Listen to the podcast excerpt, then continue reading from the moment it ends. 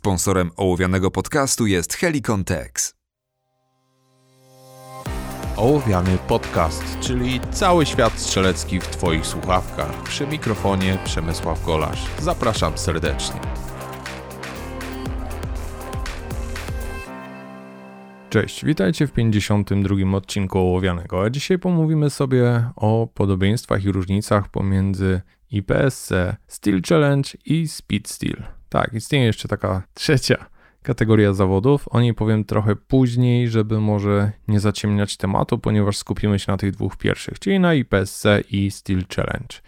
Jeżeli chcecie sobie zobaczyć takie dobre, fajne zestawienie na papierze, czarne na białym, jeżeli sobie wydrukujecie oczywiście, to możecie zajrzeć na stronę e, steelchallenge.pl. Tam zapach prochu przygotował dla Was e, w regulaminach takie bardzo fajne zestawienie w PDF-ie Jakie są główne różnice, y, jeżeli chodzi o zawody IPSC i zawody Steel Challenge?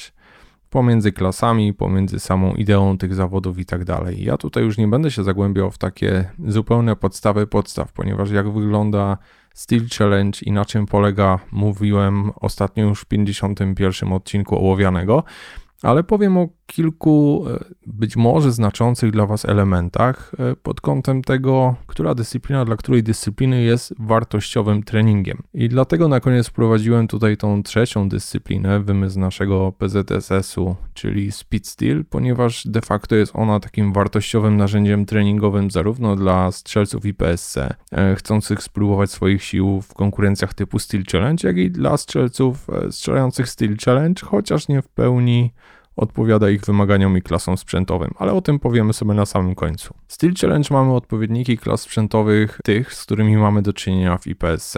Więc mamy klasę Open, klasa Standard w IPSC to Limited, Steel Challenge, Production odpowiada Production, Classic to Single Stack, Production Optics to Carry Optics Steel Challenge. I potem mamy też Revolver, PCC, a dodatkowo w Steel Challenge są klasy bocznego zapłonu, zarówno pistoletowe, jak i karabinkowe. O tym też już mówiliśmy ostatnio. Natomiast są istotne różnice. Zarówno w produkcji, jak i w Carry Optics, jeżeli chodzi o Steel Challenge, nie można używać do broni wieszaków. Więc osoba, która trenuje na co dzień IPSC i chciałaby sobie strzelić typowy mecz Steel Challenge, nie zmieści się w tych klasach ze względu na regulacje. Wiadomo, że nie chodzi o to, żeby teraz zmieniać całe wyposażenie, do którego jesteśmy przyzwyczajeni, ale na przykład z pistoletem klasy Production możemy sobie wystartować w klasie Limited, natomiast e, z pistoletem Production Optics możemy wystartować sobie w klasie Open. Tutaj już bez problemu mogą być stosowane zarówno w Limited, jak i w Open wieszaki, więc nie ma żadnego problemu, żeby w tych klasach wystartować. Jest klasyfikacja ogólna, w której można się na koniec sklasyfikować i zobaczyć sobie, jak to wszystko wygląda względem innych zawodników e, startujących production czy w production optics, ale z tradycyjnym sprzętem, czyli z kaburami e, przystosowanymi do Steel Challenge, więc jakieś porównanie mamy. Oczywiście jest jeszcze kwestia innych uregulowań. Jeżeli chodzi o strzelców IPSC, wiadomo, że mają oni określone wymagania, jeżeli chodzi o faktor mocy amunicji.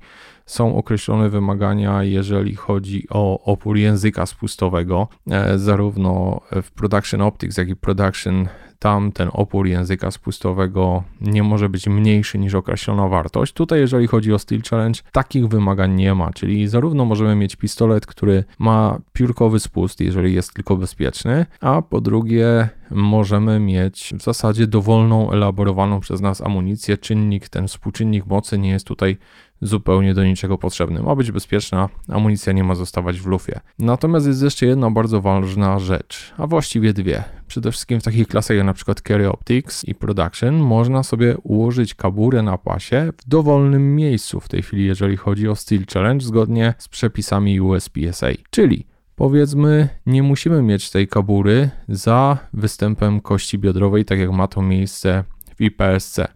Co to znaczy dla zawodnika startującego na co dzień Steel Challenge, który chce iść postrzelać IPSC? Ano, jeżeli będzie miał e, pistolet w klasie produkcyjnej, czy będzie miał pistolet w klasie Carry Optics i pójdzie strzelać IPSC, to karnie wyleci do Open, jeżeli taka bura w tym miejscu pozostanie. Czy jest to jakiś wielki problem? Nie jest. Głównie z tego względu, że IPSC nie jest wartościową jednostką treningową dla strzelców nastawionych typowo do strzelań Steel Challenge, ponieważ w zasadzie zupełnie są to różne od siebie dyscypliny. Natomiast Steel Challenge może być bardzo wartościową dyscypliną treningową dla strzelców strzelających IPSC, ponieważ mamy tutaj nacisk na to, aby maksymalnie przyspieszyć przenoszenie broni e, z celu na cel, przenoszenie ognia z celu na cel. Oczywiście pozycja startowa, ta początkowa, jeżeli chodzi o Steel Challenge, jest bardzo rzadko używana w IPSC. Raz na jakiś czas na jakimś torze się mm, znajdzie, więc tutaj ten czas dobycia pewnie będzie inny niż u strzelców, którzy robią to na co dzień, ale tak czy inaczej, e, sama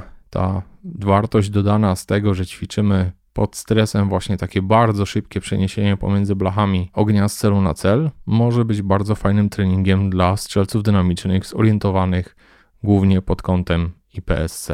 I mamy wreszcie jeszcze jeden wynalazek. E, dyscyplinę, która może być fajnym treningiem zarówno dla strzelców tych zorientowanych na co dzień w stronę IPSC, jak i tych e, zażarcie idących w stronę Steel Challenge. A mianowicie mówię tutaj o Speed Steel. Speed Steel to jest taki regulamin, który jest na stronie PZSS-u. Dotyczy on strzelań dynamicznych e, do blach w kategoriach zbliżonych do Steel Challenge. Wiele klubów e, rozgrywa tego typu zawody praktycznie w formule Steel Challenge, z tym, że na przykład klasy sprzętowe są typowo pod kątem IPSC. Czyli mamy dokładnie takie same klasy sprzętowe. Mamy Open, mamy Production, mamy Production Optics, mamy Standard, etc., etc.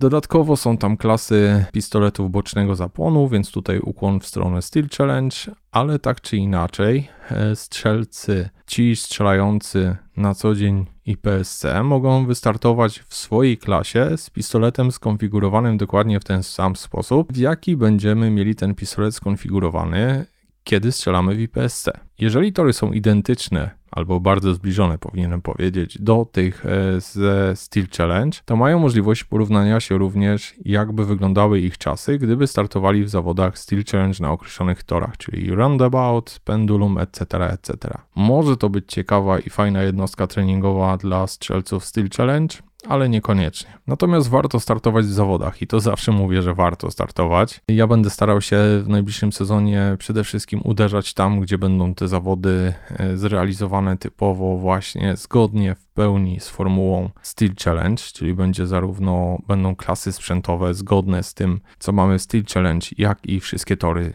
z tym zgodne i właśnie na tym będziemy się opierać e, w najbliższym sezonie Gunpoint TV, który już niedługo pojawi się na kanale YouTube, ponieważ e, właśnie ten sport mnie bardzo mocno zainteresował i chcę iść e, w tym kierunku zupełnie zgodnie z przepisami, jakie tam obowiązują, ale będę często nawiązywał do Speed Steel jako do tej formuły bardziej przyjaznej dla strzelców IPSC. Rozumiem w zasadzie po co ta idea powstała, po co powstał regulamin Speed Steel, co autor miał na myśli go tworząc i tak jak mówiłem, jest to fajny trening, żeby tak poczuć na czym polega Steel Challenge dla zawodników IPSC, zachowując klasy sprzętowe, swoją klasyfikację itd., tak itd., tak bez żadnych udziwnień. Natomiast dla strzelców typowo pod kątem Steel Challenge zainteresowanych jest to tak naprawdę tylko taki sobie trening na blaszkach pod ciśnieniem. Podobnie jak w drugą stronę, jeżeli mówimy o typowym Steel Challenge, dla niektórych nie będzie to miało większego sensu, jeżeli chcą osiągać wyniki, a mają swoiste ograniczenia.